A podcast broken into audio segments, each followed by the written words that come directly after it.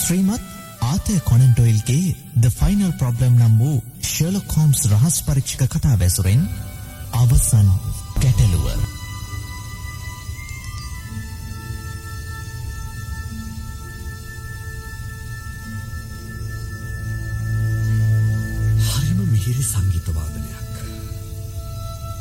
දවසකින් විවේකයක් ලැබුණේ නෑ. අද හවස් වරුවෙත් ලෙඩ්ඩු බලන්න යන්න සිද්ධ වුණා.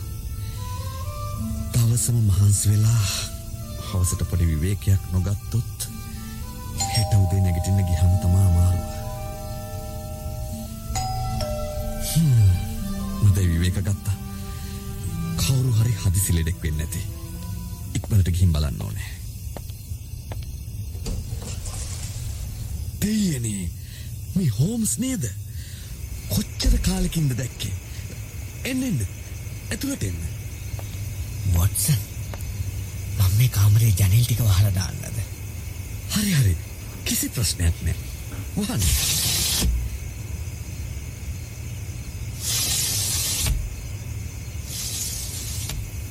එහෙමනම් අපි මේ තිරවැදි පහලට දාමුකු.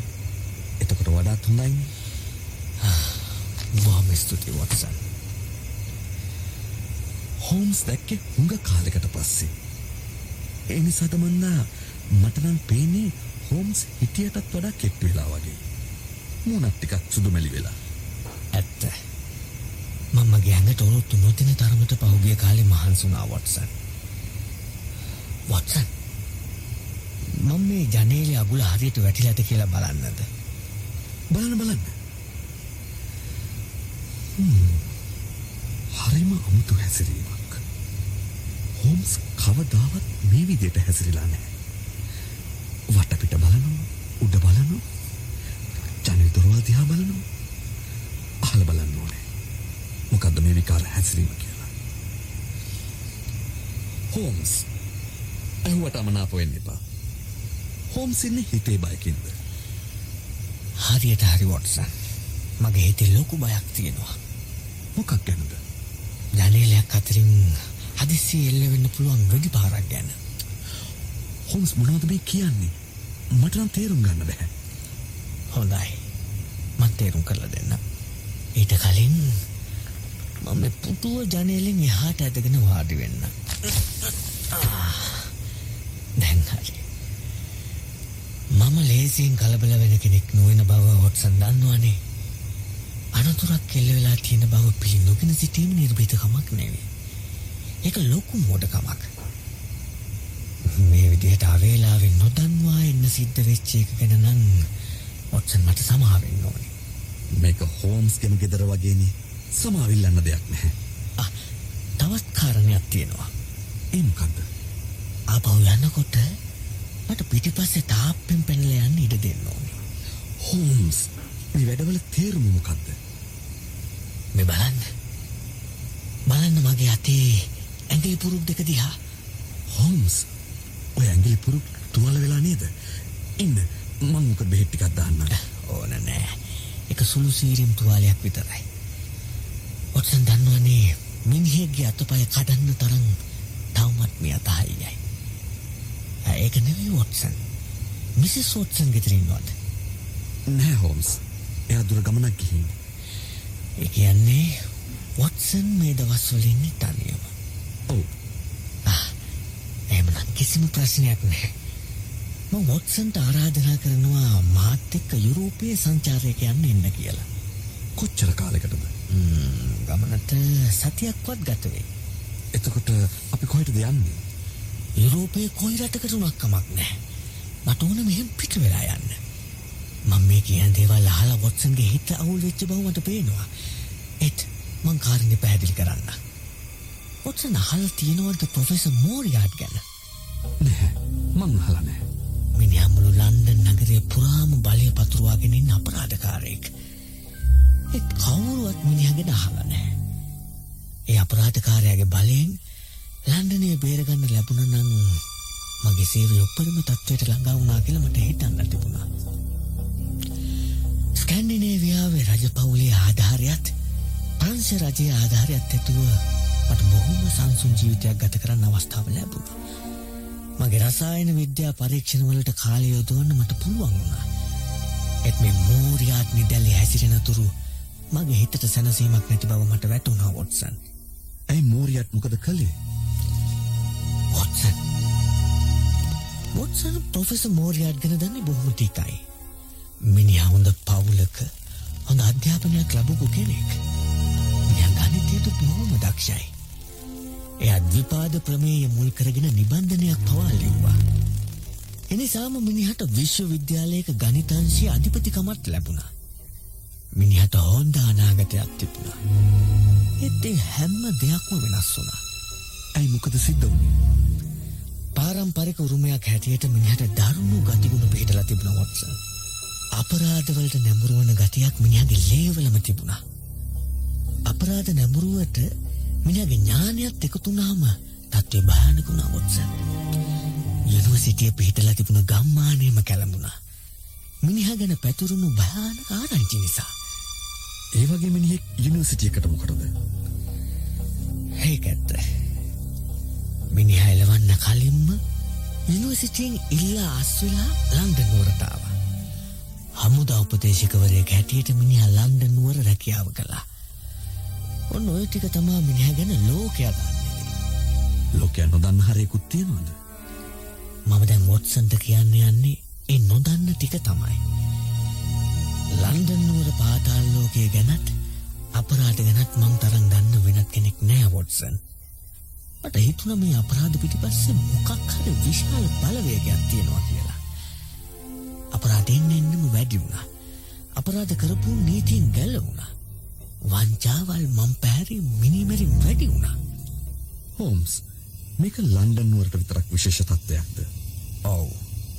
මම අතගහපු පරීක්ෂණත් ස්කොට්ලන් යාඩ් එකේ පරීක්ෂණත් විමසලා බලනකොට අවසානයේ මට වැටහුණා මේ අපරාධ රැල්ල පිටිපස්සේ ඉන්න මොලකාරයා කවුද කියන එක.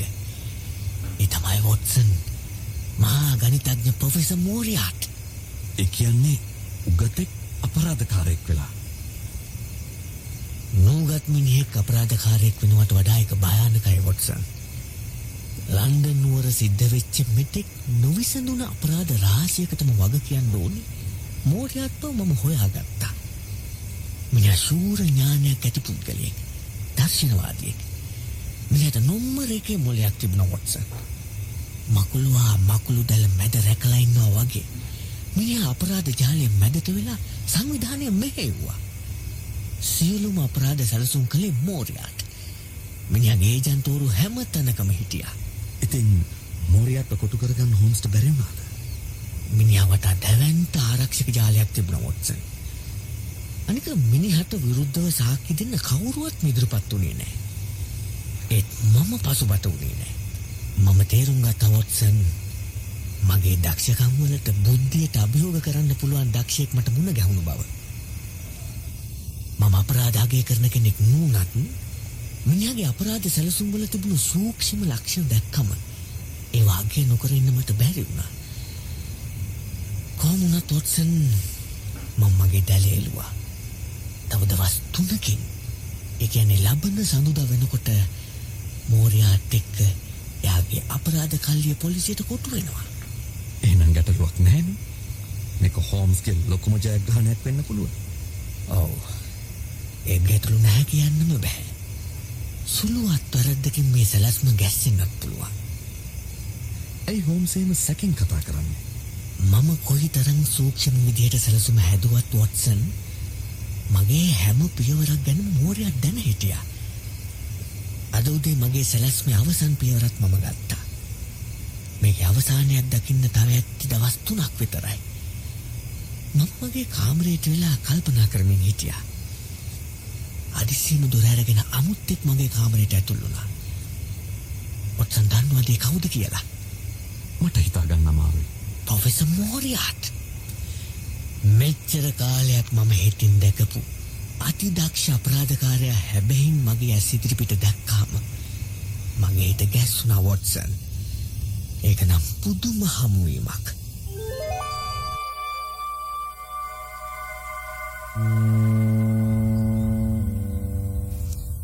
මිට. හෝම්ස් ඔන්න අන්තිමේ මං ඒව මුණගැහෙන්නාව. පුදුපෙන් වගේ බලන් දෙපා. අනික ඩ්‍රෙසිං ගෞම සාක්කු ඇතුළේ පතුරම් පුරෝපු පිස්තෝලයක් තමාගෙන ඉන්න එක එච්චර හොඳ වැඩක් නෙවෙයි. ඇමනං මං ඒක මේ මේ සුදින් තියන්නක්. හැබැයි ඒක කොකාටෝලයි තියෙන්නේ. පේන විදිහට මිස්ටර් හෝම්ස් මව අඳුරන්නේ නෑ නේද? මම ඔය කවුද කියන්න හොඳින්ම දන්නවා ප්‍රොෆෙසර් මෝරියාට්. කරුණා කරලා ඔය තියෙන පුටුවේ වාඩි වුණොත් හොඳයි. මට පුළුවන් ඔහේ වෙනුවෙන් මිනිත්තු පහක් වෙන් කරන්න. කියන්න දෙයක් තියෙනවා නම් ඒ කාලය ඇතුළත කියන්න පුළුවන්. මම කියන්න යන දේවල් මොනවද කියලා මෙලහකටත් මිස්ටර් හෝම්ස්ගේ මොලේට කල්පනා වෙන්න ඇති. ඒවට මන් දෙන්න සූදානම් පිළිතුරුත් ඔහේගේ හිතේ පහළ වෙන්නේ නැති. ඇත්තටම ඔහේ ස්ථිර තීරණයකට ඇවිල්ලා දින්නේ. ඔව්. මම දැන් මගේ සාක්කුවට අත දාන. ඒත් ඒ පිස්තෝලයක් එළියට අදින්න නෙවෙයි. ඒ නිසා කලබල වෙන්න උවමනාවක් නැහැ. එහෙනම් මම මගේ පිස්තෝලේ අතට ගන්න. කමක් නැහැ. ඒත් පරිස්සමෙන්. වෙනස්. මේ මම මේ සාක්කුවෙන් එළියට ගත්තේ මගේ සටහන් පොත.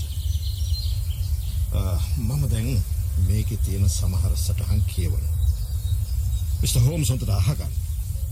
හරි. මම සූදානම්. කියවන්න. මේ අවුරුද්දේ ජනවාරි මාසේ හතරවෙනිදා හෝම්ස් මට බාධා කළා. නැවත විසි තුන්වෙනිදා මගේ වැඩ කටයුතු වලට බාධා කළා. පෙබරවාරි මාසේ මැදහරියදී බොහොම තද බල අන්දමින් මගේ වැඩ කඩාකප්පල් කළා. මාර්තු මාසෙදී නැවත එසේ කළා. හරිද? මට විරුද්ධව කරපු වැඩ කටයුතු වල වාර්තාවක් මම තියාගත්තේ නිකමට නෙවෙයි. දැන් ඔය හදන්නේ මගේ නිදහස නැති කරන්න. ඒක මට තවදුරටත් ඉවසගෙන ඉන්න පුළුවන් තත්ත්වයක් නෙවෙයි. ප්‍රොෆෙසර් මෝරියාට් ඔය ළඟ මොනවා හරි යෝජනාවක් තියෙනවද? ඔව් තියෙනවා. වහාම මට විරුද්ධව ගෙනියන වැඩපිළිවෙල නවත්තන්න. සඳුදායින් පස්සේ ඒක නවත්තන්න පුළුවන් වෙයි. එහෙම වෙනවා නම් හොඳයි. නැත්තම් මට අනතුරුදායක පියවරක් ගන්න වෙයි මිස්ටර් හෝම්ස්. අනතුර මගේ ජීවිතේ කොටසක් ප්‍රොෆෙසර්. ඒ ගැන මගේ හිතේ බයක් නැහැ. මේක අනතුරක් නෙවෙයි. මේක වළක්වන්න බැරි විනාශයක්. හෝම්ස් කියන පුද්ගලයා මගේ වැඩට බාධාවක්. ඒ බාධාව මම ඉවත් කරනවා. මට කනගාටුයි ප්‍රොෆෙසර්. මේ විකාර කතා බහ නිසා මගේ අනිත් වැදගත් වැඩත් ප්‍රමාද වෙනවා. බොහොම හොඳයි. මිස්ටර් හෝම්ස් ඔහේ ඇඟිල්ලක් හෙල්ලුවත් ඒක මම දන්නවා. සඳුදට කලින් ඔහේට මොනවත් කරන්න ලැබෙන්නේ නැහැ.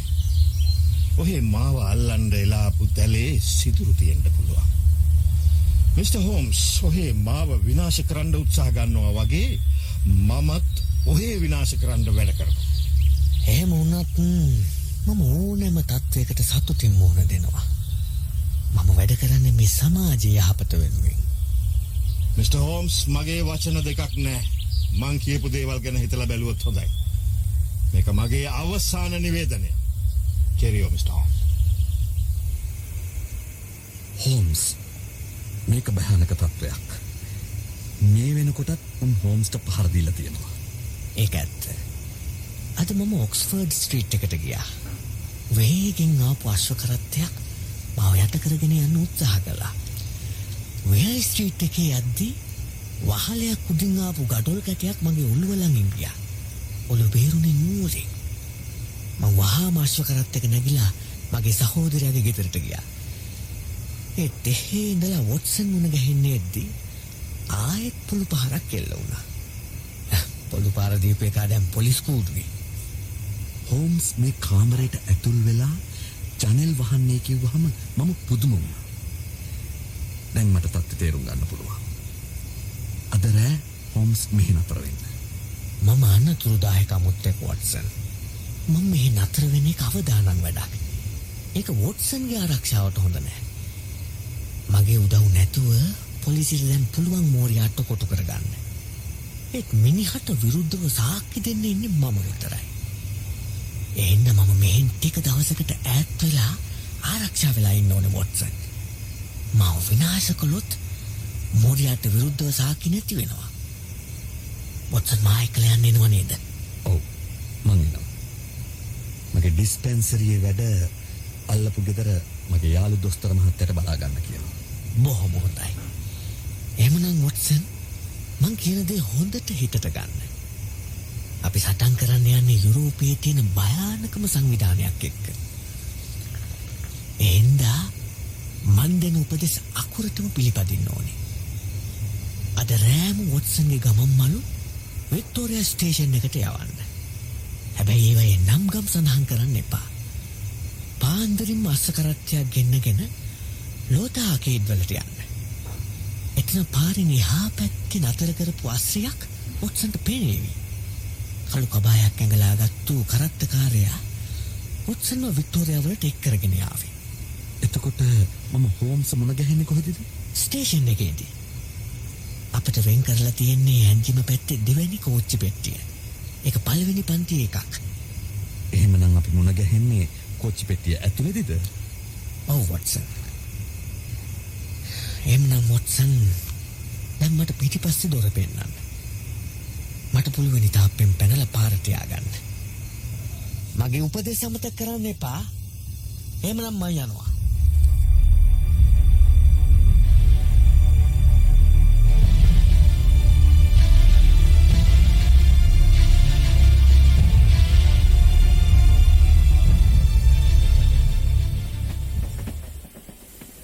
ස්ටේෂන් එකට ඇවිත් මම හැම තැනම හෝම්ස් හොහෙව්වා. කෝච්චිය පිටත් වෙන්න නලාව පිමින තුරුම හෝම්ස් ඉන්න බවක් පෙනුනේ නැහැ. අන්තිමේදී වොට්සන් කෝච්චියට නැංගා. ඔව්.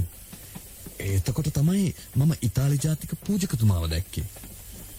කුලීකාරයත් එක්ක කැඩිච්ච ඉංග්‍රීසියෙන් කතා කරනකොට කොහොමද මෙයත් එක්ක මේ ගමනේ යන්නේ කියලා මට හිතුණා.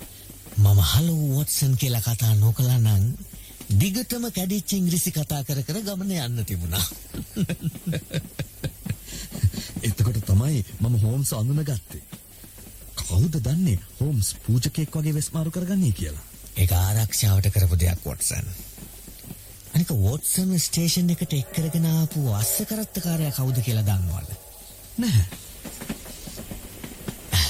ඒ මගේ සහෝදරයා මයික්‍රොෆ්ට්. හෝම්ස් එහෙම ආරක්ෂක පියවර ගත්තු එක හොඳයි.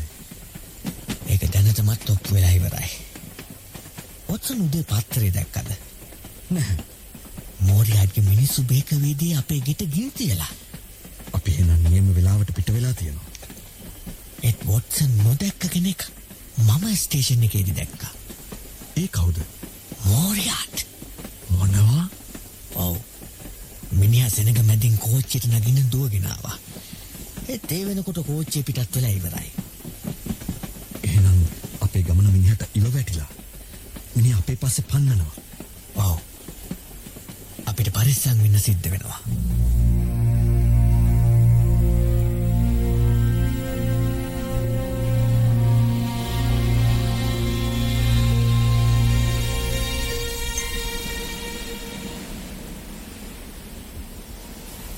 මේ තානායම් පොළ තියෙන්නේ හරිම සුන්දර තැනක. ඒ වටපිටාවේ ලස්සන බලන්න තරම් හෝම්ස්ගේ හිත සංසුන් නැහැ වගේ පෙනෙන්නේ. එහෙමමයි කියලා කියන්නත් බෑ වොට්සන්. මගේ හිතේ සැකයක් තියෙනවා. ඒත් මම හැමදාම පරිසරය ගැන සංවේදී කෙනෙක්. කැන්ටබරි වලදී අපි දැක්කා මෝරියාට් විශේෂ දුම්රියකින් අපේ දුම්රිය පස්සේ හඹාගෙන යන හැටි.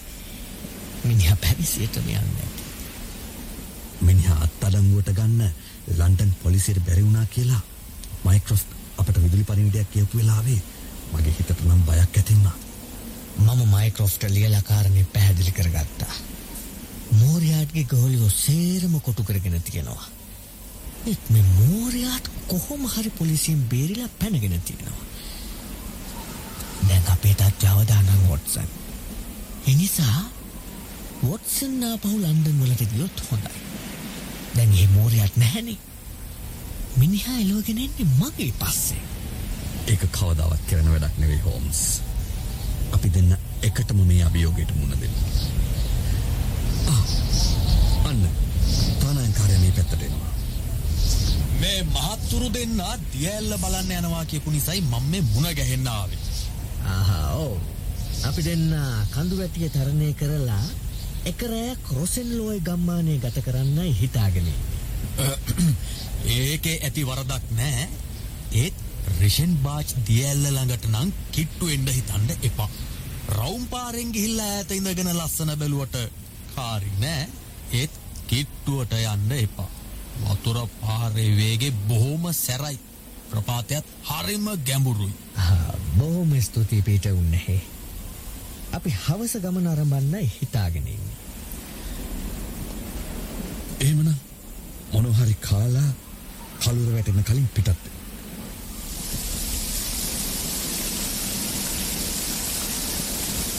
එම දිය වෙලා දිය ඇල්ලේ වේගය වැඩි වෙලා වොට්ස. අපිට මීට වඩා නම් කිට්ටුවට යන්න බැරි වෙයි.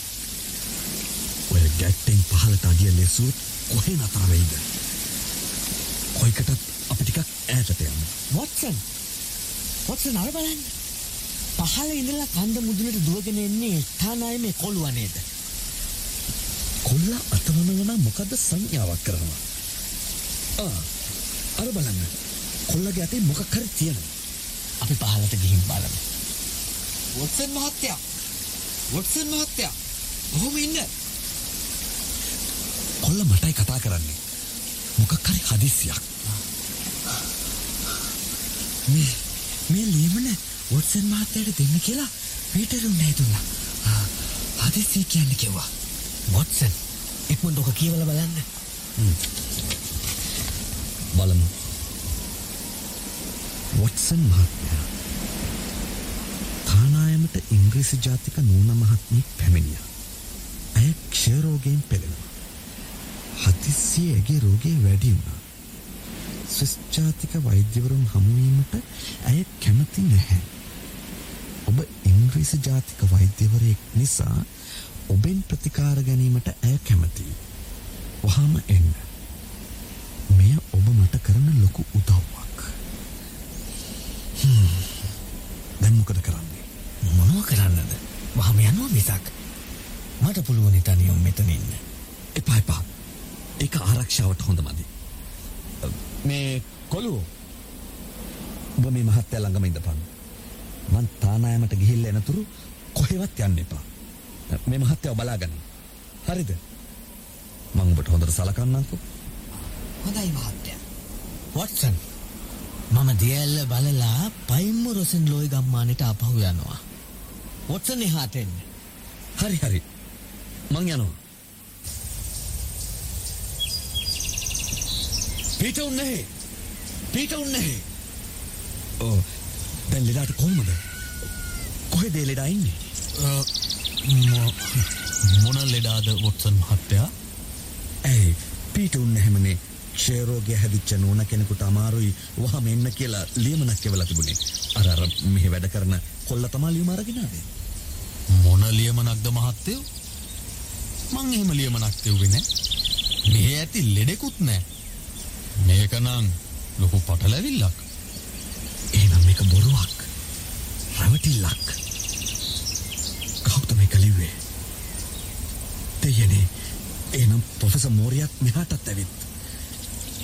මං අපෝ දියල් ළඟට යනවා පීටර්. හෝම්ස් මහත්තයාගේ ජීවිතය අනතුරේ.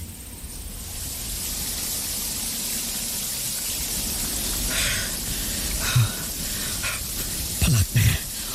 ඔක්කොම ඉවරයි. අපි දෙන්න කොච්චර සැවිල්ලෙන්ද හිටියේ. ඒත් මේ යක්ෂයා අපේ පස්සෙන් ඇවිත්. හෝම් සිටි මෙතන. ආ අ- අර අර ගලට හේතු කරලා තියෙන්නේ හෝම්ස් කඳු නගිනකොට ගෙනෙන බස්තම නේද? මෙතන පස් පෙරලිලා. පඳුරු පොඩි වෙලා. හෝම්ස් ලොකු පොර බැදීමක් කරලා තියෙනවා. ආ මේ ගලවට තව මොකද තියෙනව නේද? දෙයනේ මේ හෝම්ස්ගේ සිකරට් කේස් එක නේද? මෙලියුම් කැලකුත් තියෙන්නේ. මේක හෝම්ස්ගේ පණිවිඩයක් වෙන්නේ නැති. බලමු. හිතවත් වොට්සන්. මා මෙම කෙටි වැකි කීපය ලියන්නේ මෝරියත් මහතාගේ අනුග්‍රහය ඇතිවයි. ඔහු මාත් අතර ඇති ප්‍රශ්නය විසඳා ගැනීමට දැන් මා පුද්ගලිකව සූදානම්. එහෙත් එහි අවසන් ප්‍රතිඵලය මගේ මිතුරන්ගේ ශෝකයට හේතු වන බව මා දන්නවා. විශේෂයෙන් ඔබට එය එසේ වන බව මට විශ්වාසයි.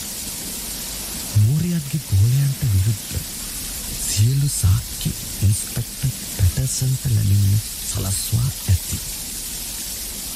මගේ දේපල පිළිබඳ සියලු දෑ මයික්‍රොෆ්ට බාරදීමට මා කටයුතු කළා.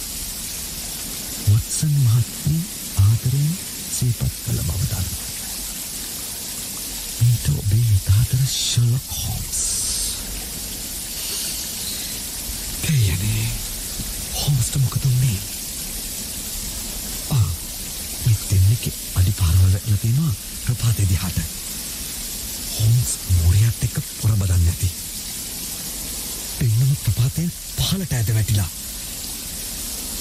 හෝම්ස්! හෝම්ස්! හෝම්ස් ඔබ කොහෙද?